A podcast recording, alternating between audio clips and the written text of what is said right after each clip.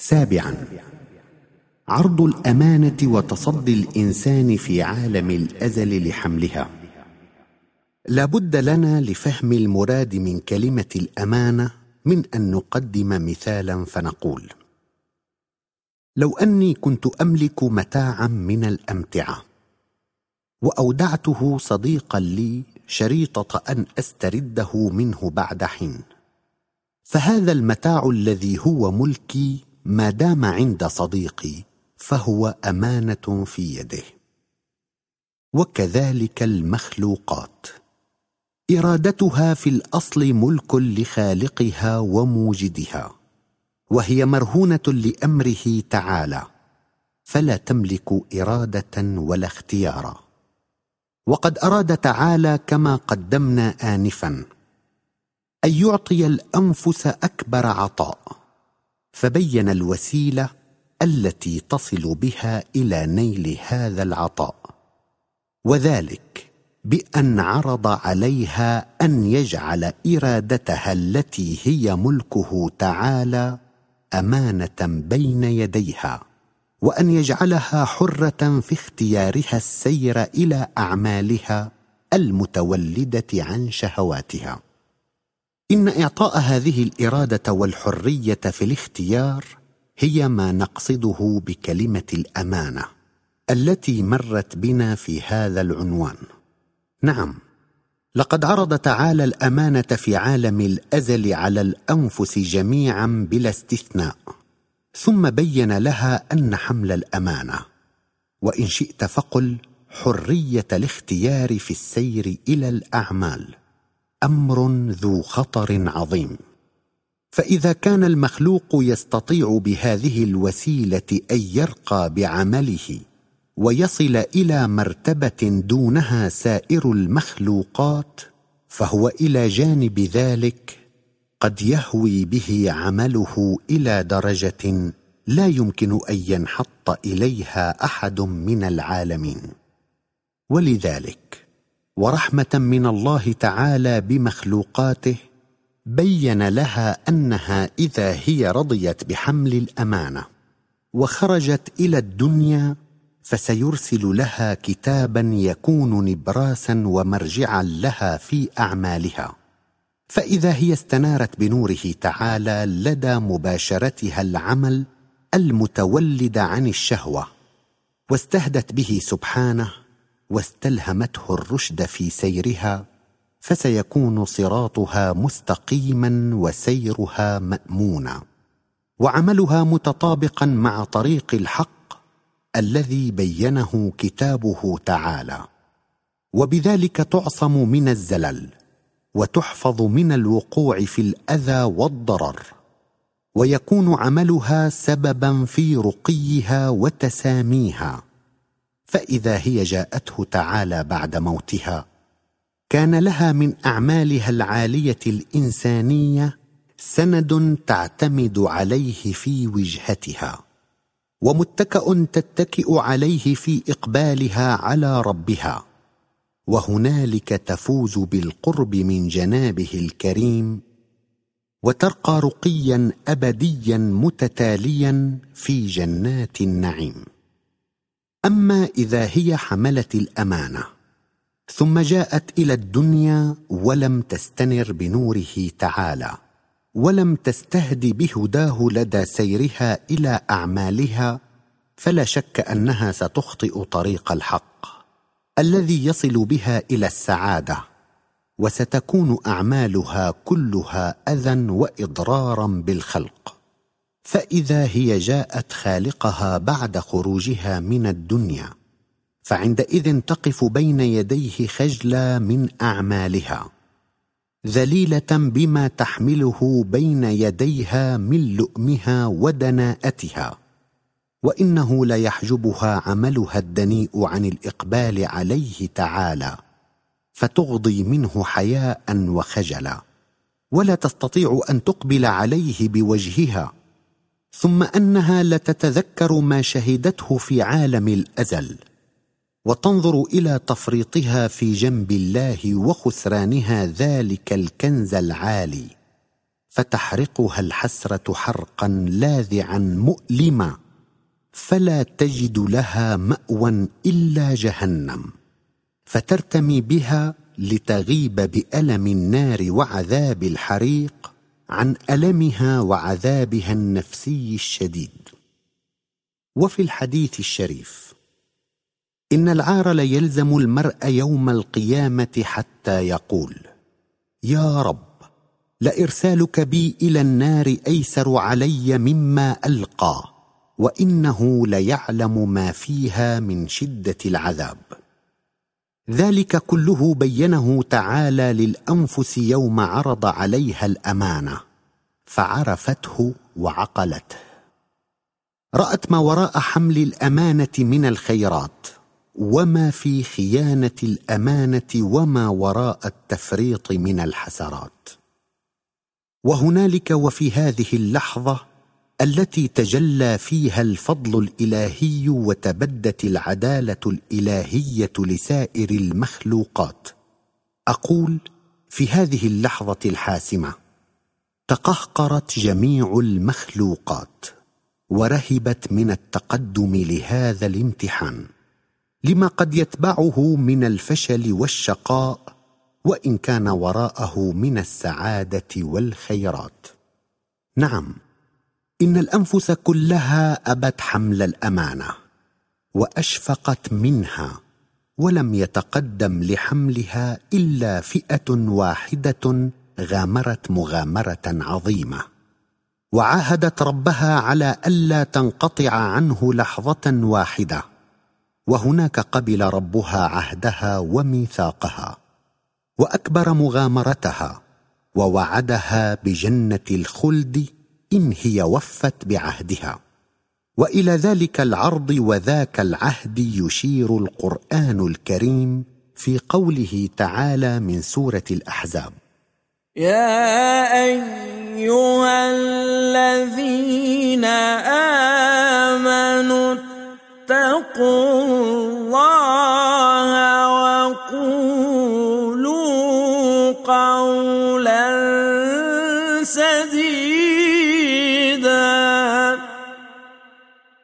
يصلح لكم أعمالكم ويغفر لكم ذنوبكم ومن يطع الله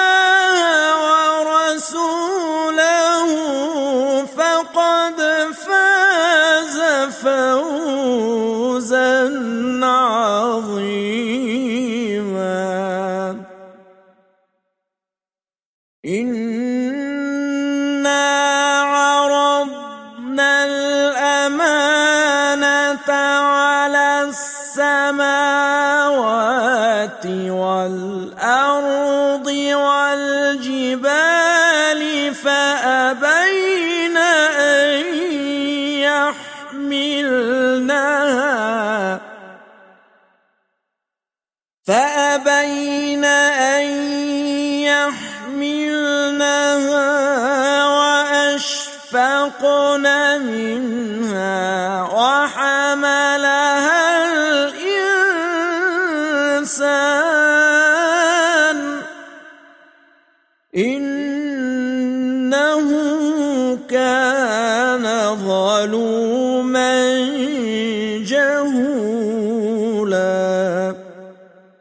وينطوي تحت كلمة السماوات والأرض والجبال ما فيهن من أنفس وما اشتملت عليه من مخلوقات.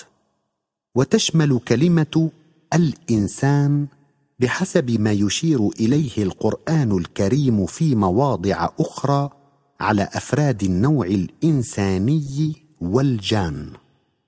أما كلمة إنه كان ظلوما جهولا فهي لا تعني إثبات الظلم والجهل للإنسان إنما هي كلمة مدح وإكبار. وقد جاءت في صيغة الاستفهام الاستنكاري محذوفة أداته زيادة في تقرير المعنى المراد.